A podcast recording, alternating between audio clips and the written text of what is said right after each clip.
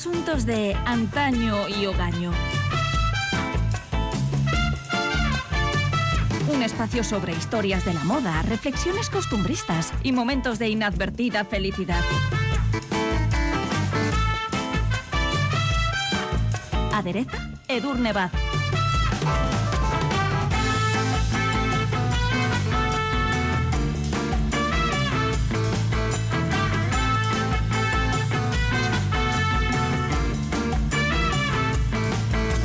Afrontamos hoy una nueva entrega de nuestra serie de influencers de antaño y hogaña, dedicada en esta ocasión a uno de los mayores referentes de la música y de la moda, David Bowie.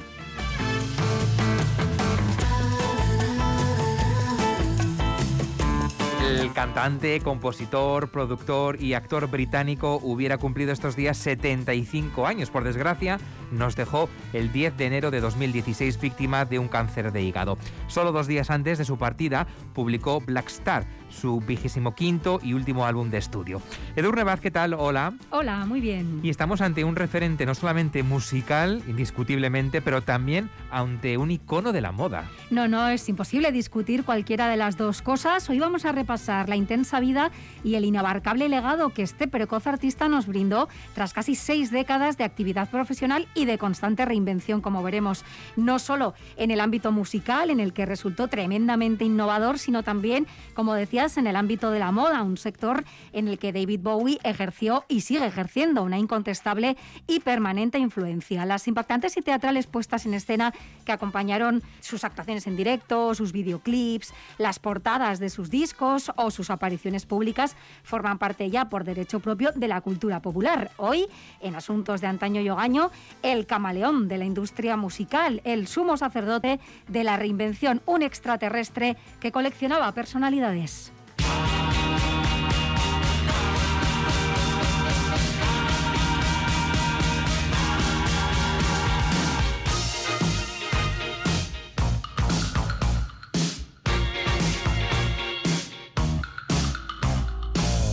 Desde luego hoy es un día para los enamorados de David Bowie, de David Bowie seguir haciéndolo, para los que lo medio conocen, conocerlo un poco más y quizás para los que no se han aproximado a su música, hacerlo Para ahora descubrirla. y descubrirla. ¿no? Pero antes de nada vamos a hacer un pequeño inciso porque hay que decir que seis años después de su muerte, David Bowie sigue generando titulares. Sí, en concreto Toy, el disco que el cantante decidió en su día guardar en un cajón, en 2001 en concreto por desavenencias con la discográfica, ha visto este año la luz en un recopilatorio que reúne algunos de los temas que el genial artista compuso desde 1992. No sé si a los artistas les gusta mucho que aquello que descartaron salga al mercado después, una vez Sí, bueno, ¿eh? no lo descartó artísticamente, sino ya por desavenencias, como decíamos, con la discográfica, pero bueno, ahí está. Ahí está. Bueno, arrancamos ahora sí a esbozar la vida de David Robert Jones, que nació en Londres el 8 de enero de 1947. Eh, Mostró un precoz interés por la música desde muy pequeño. Sí, y no solo por la música, que por supuesto en el colegio en el que estudió hasta los seis años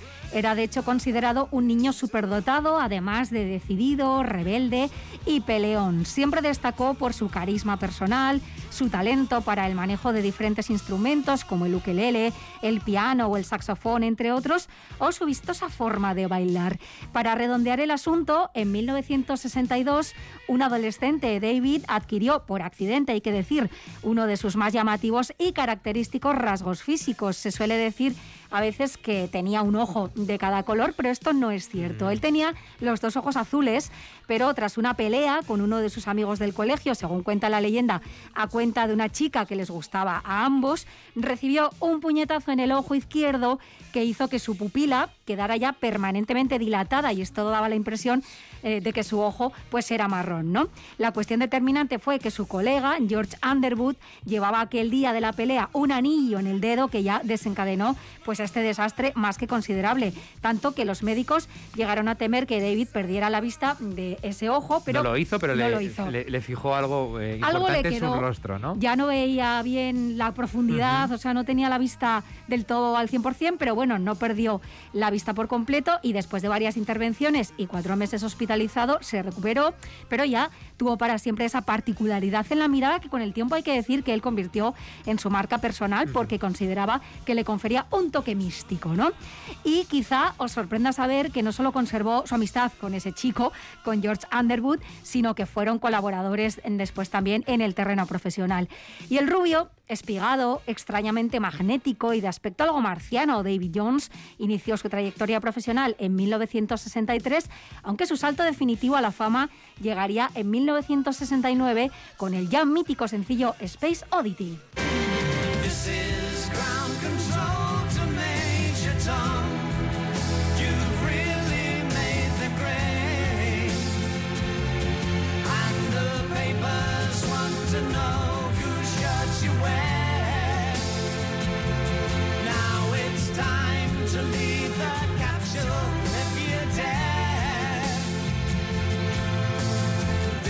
Nos vamos a situar en el 11 de julio de 1969, cinco días antes del lanzamiento del Apolo 11. Entonces es cuando David Bowie eh, lanzó esta canción, Space Oddity. Siempre tuvo una relación muy estrecha con el espacio, con lo espacial y con lo marciano, como veremos. Tras su anterior desempeño en el rock and roll o el blues, en este disco era el segundo que publicaba, Bowie sonaba bastante más folk, con letras de aire hippie, centradas en la paz y el amor. Y en abril de ese mismo año, igual también nos influyó, había conocido a Angela Barnett, con la que contrajo matrimonio al año siguiente y con la que tuvo a su primer hijo, Duncan. La segunda sería muchos años después, Alexandria, fruto de su amor con su ahora viuda, la bellísima supermodelo etíope Iman, con la que contrajo matrimonio en 1992. Hablamos también del tercer álbum del prolífico y cambiante David Bowie, estamos hablando de Man Who Sold the World. Eh, dejaba a un lado en este el folk para abordar el rock acústico e incluso el hard rock. Estamos hablando de una persona, eh, de un músico muy cambiante, ¿no? Que tocaba todos los estilos. Es difícil que alguna de sus canciones no te guste porque mm, tocó todos los géneros musicales, ¿no? Y fue durante la promoción de este trabajo, el de The Man Who Sold the World, cuando Bowie empezó a acentuar y a explotar su aspecto andrógino, el que tenía él de forma natural, pero ya apareciendo tanto en la portada del disco como en las entrevistas promocionales con el pelo largo y rizado, incluso con tirabuzones y luciendo vestidos femeninos. John Mendelssohn de la revista Rolling Stone se refirió a él como deslumbrante, casi una desconcertante reminiscencia de Loren Bacall, ¿no? Y claro, esto lo tenemos que situar en el contexto de 1970. Era muy impactante y era muy polémico. Y en Estados Unidos, de hecho, la portada del disco fue censurada pues porque así eran, ¿no? Y a todo ello se sumó la pública declaración de su bisexualidad, que con el tiempo, según declaró, le acabó pesando porque aquello, dijo, se convirtió en el titular desde ese momento y por largo tiempo.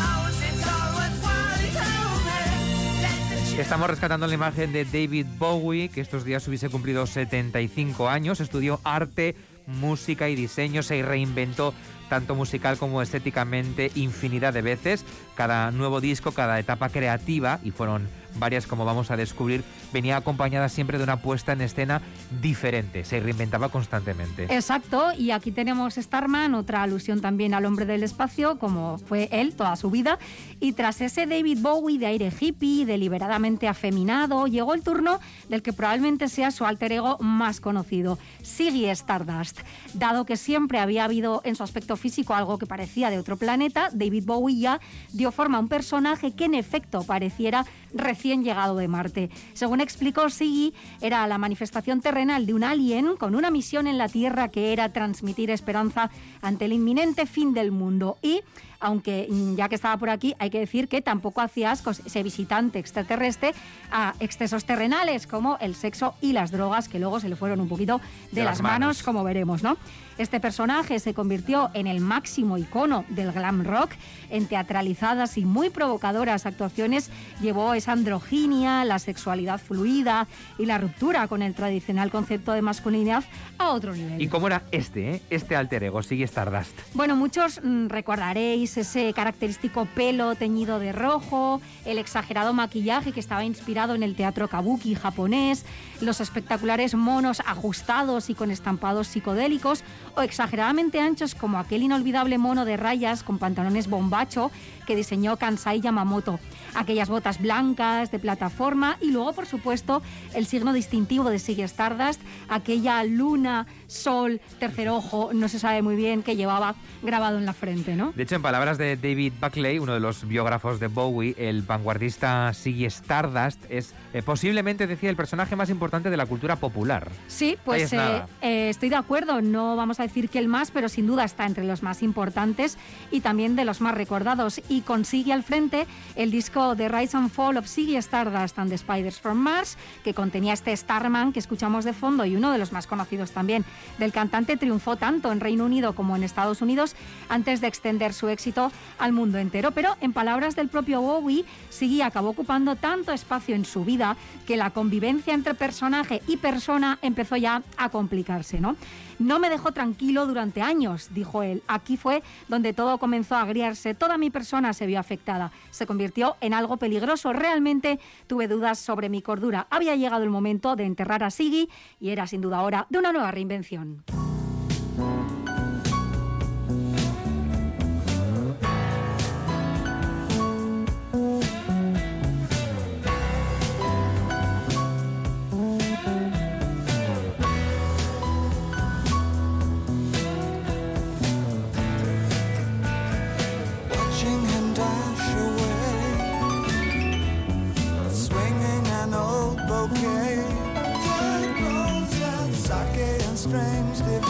Damos un salto en el tiempo en esta historia para situarnos en 1973, otro gran momento en esa cambiante personalidad estética y musical de David Bowie.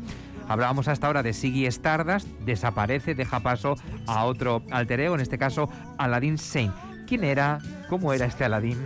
Bueno, su presentación en sociedad se produjo en la portada del disco del mismo nombre y es en la actualidad una de las más populares representaciones visuales del artista. Si yo os pido que penséis en David Bowie, estoy segura de que muchos de vosotros y vosotras pensaréis en esa imagen con el pelo rojo, las cejas rasuradas y un rayo rojo y azul que le cruza la cara, ¿no?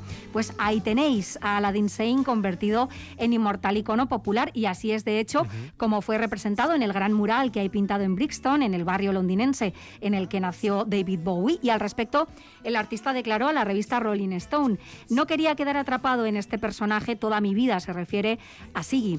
Y supongo que lo que estaba haciendo con Aladdin Sane era intentar moverme al siguiente nivel, usando una imitación pálida de Siggy como un segundo recurso. En mi mente era Siggy va a Washington, Siggy bajo la influencia de América. De hecho, instalado en Estados Unidos, no pronto apareció también Halloween Jack, al que podríamos considerar de Durne como otra mutación del originario Siggy Stardust. Sí, todavía había mucho de Siggy en todos estos personajes y alter egos, pero en este caso Halloween Jack nació en el contexto del álbum Diamond Dogs de 1974, en cuya portada también aparecía y también de la, como siempre, muy teatralizada gira de promoción de este disco que jugaba a combinar el musical clásico con una idea de una ciudad posapocalíptica y la novela 1984 de George Orwell. Halloween Jack era estéticamente, como decíamos, muy similar a Siggy Stardust y a Aladdin Sane, pero llevaba un identificativo parche en el ojo. Así podemos reconocer que estamos ante Halloween Jack y no ante uno de los otros dos.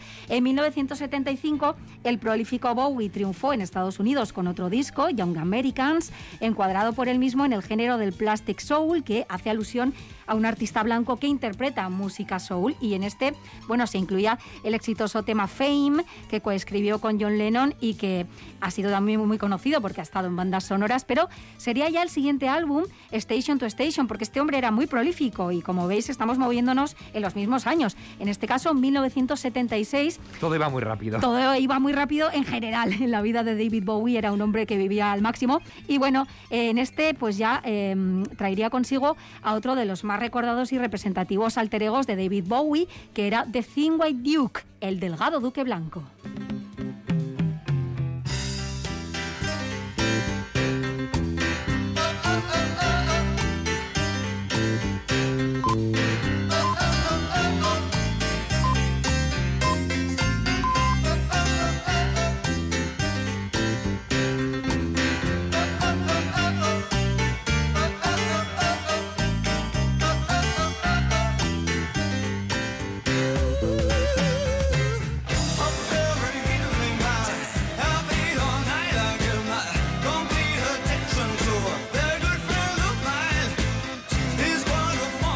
Estamos eh, definiendo, o has definido perfectamente a David Bowie al principio como el camaleón, ¿no? Sí, sí. Por todos estos personajes alter egos que va creando a lo largo de su carrera.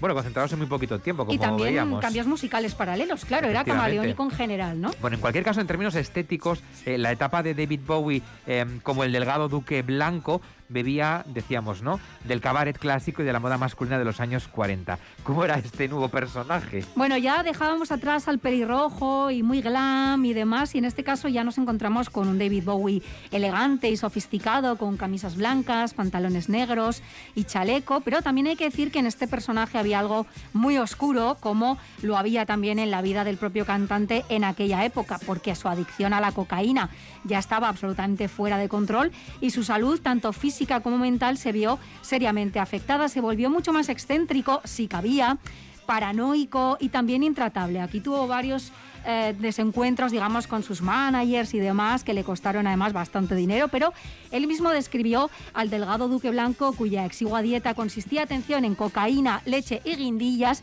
claro, pues la salud se resiente, quieras o no, Madre mía. como un personaje desagradable y un ogro. Bueno, de hecho circula por ahí una anécdota sobre aquel momento eh, que viene al caso contarla. ¿Nos la recuerdas? Sí, porque mira, nos queda geográfica históricamente bastante cercana, ¿no? David Bowie iba a ser entrevistado en un programa de televisión en Londres y poco antes de empezar se supo que Francisco Franco había muerto.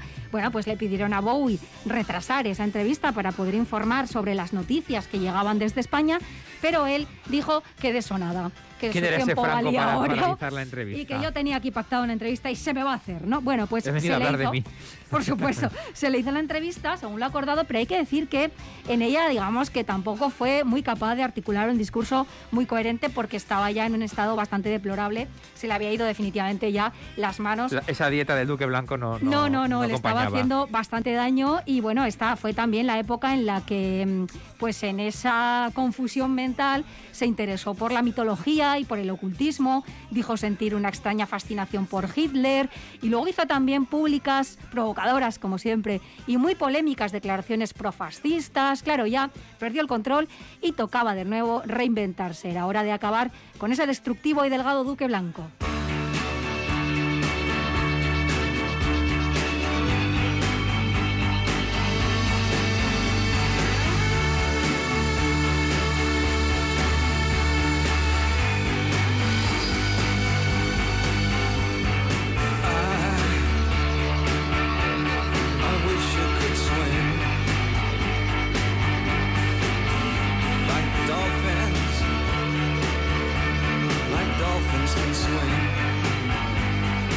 Buscando dejar atrás al delgado Duque Blanco y ese desaforado y destructivo consumo de cocaína, David Bowie se muda. Primero lo hace a Suiza, donde experimentó una etapa de lo más creativa, pintando incluso y coleccionando obras de arte contemporáneo, y más tarde eh, se muda al Berlín Oeste. Estamos hablando, eh, por situarlo eh, históricamente en su contexto, Berlín Oeste, es decir, en plena Guerra Fría. Exactamente, y allí en un piso que compartía, atención, no con cualquier persona, con Iggy Pop, imagínate ese piso. Bueno, pues allí empezó a trabajar con Brian Eno y dio paso a la que sería conocida como su trilogía de Berlín, cuya segunda entrega contenía uno de los temas más célebres y versionados de Bowie, que es este Heroes, que escuchamos de fondo, que sonó incluso en Moulin Rouge, en una reinterpretación, ¿no? Superados sus problemas con las drogas, vivió un periodo en términos musicales mucho más minimalista, ambiental y conceptual. Su estilo personal y su música siguieron, no obstante, y en adelante reinventándose en paralelo durante toda su vida. Y como decíamos, ningún género musical le fue ajeno a este hombre, ya fuera el rock and roll, el blues, el folk psicodélico, el glam rock, el rock duro, el soul, el jazz, el hip hop, el funk, el rock alternativo, la música electrónica, la industrial y por supuesto el pop, ¿no? Así que siempre va a haber una canción de Bowie que te guste porque la puedes encuadrar en cualquiera que sea el género que a ti te gusta. Y tampoco creo que a estas alturas haga falta ya decirlo, pero David Bowie tenía, además de la musical, una faceta actoral. You remind me of the babe, with the power, power of voodoo. You do. Remind me of the babe. I saw my baby crying for this babe could cry. What could I do?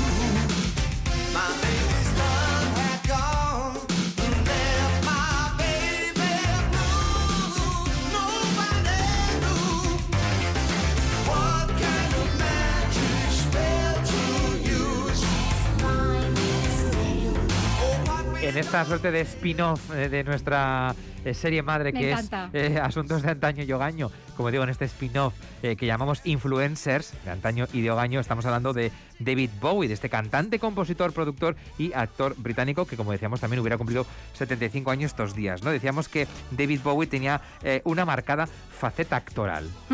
Sí, porque además eh, su propio apellido artístico, digamos, ¿no? Bowie lo tomó prestado del aventurero y mercenario estadounidense Jim Bowie, que dio nombre a un cuchillo y que además en 1960 fue interpretado en el cine por el actor Richard Mark en la película El Álamo, que dirigió y protagonizó John Wayne. Tenía una faceta actoral y en general era un hombre intelectualmente muy inquieto. Sí, afirma uno de sus biógrafos, David Buckley, ante- al que antes mencionabas, que la esencia de la contribución de Bowie a la música popular se encuentra en su sobresaliente habilidad para analizar y seleccionar ideas fuera de la música, del arte, la literatura, el teatro y el cine e incorporarlas a esta. Y fue en efecto también un gran lector y aprovecho para recomendaros el Club de Lectura de David Bowie, una invitación a la lectura a través de los 100 libros que cambiaron la vida del mito, un libro maravilloso que publicó Blackie Books y que, bueno, podría adentraros en esas propuestas que os hizo Bowie. Bueno, además su pasión por la interpretación fue eh, tan prematura como su pasión por la música.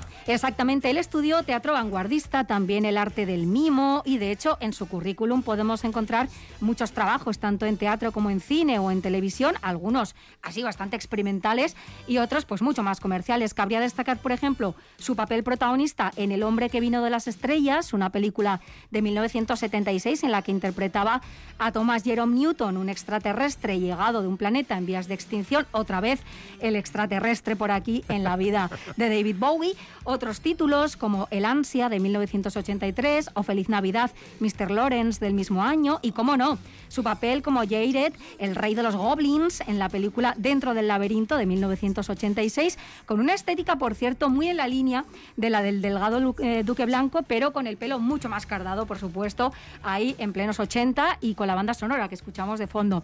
Encarnó incluso, esto igual os sorprende, a Poncio Pilatos en La última tentación de Cristo de Martin Scorsese, así que si la revisionáis, pues fijaos que ahí está David Bowie, Bowie. Pues haciendo ahí lo suyo. Y asimismo también se interpretó, hizo cameos, por ejemplo, en Zulander, ¿no? Apareció pues como él mismo.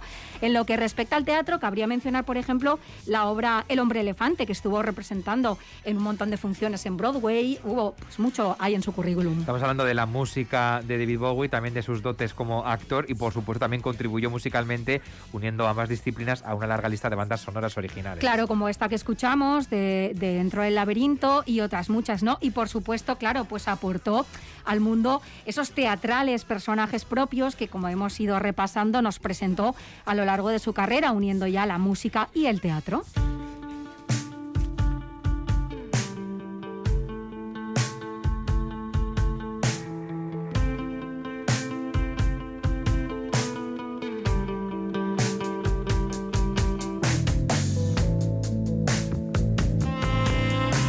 Viendo la forma que David Bowie decidió vivir, no nos podemos eh, equivocar y podemos decir tajantemente que vivió y murió como le dio realmente la gana. ¿no? Totalmente. Que es una forma de vida muy válida eh, y en el caso de David Bowie, pues eh, la cumplió, hizo lo que, lo que quiso.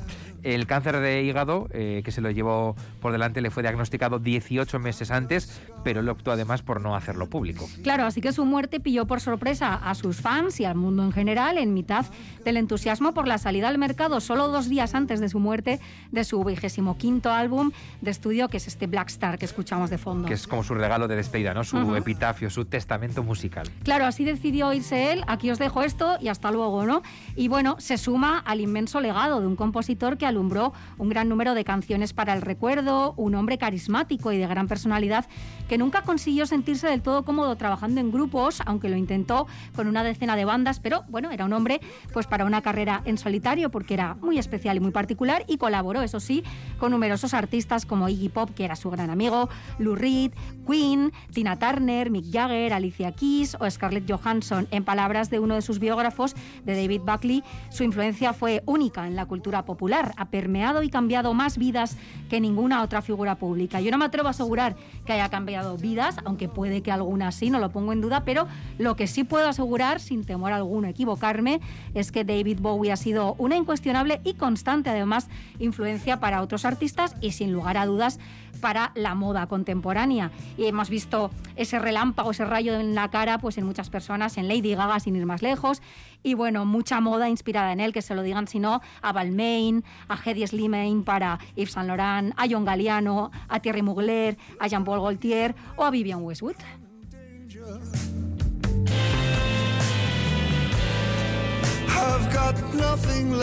To lose. En Asuntos de Antaño y Ogaño nos hemos eh, fi- eh, fijado en la figura de David Bowie, que como decía Edurne Vaz, es el camaleón de la música industrial, el sumo sacerdote de la reinvención y un extraterrestre que coleccionaba personalidades. Tal cual. Quienes no lo conozcan lo acaban de descubrir y quienes están enamorados de él pues van a seguir amándolo hasta el infinito. Como Imán, su, su viuda que ha dicho que ella no se va a volver a casar porque ella está casada, que su marido es su marido. Y ahí está. Edu Rebaz, muchísimas gracias. De Buen nada. día. Abur. Abur.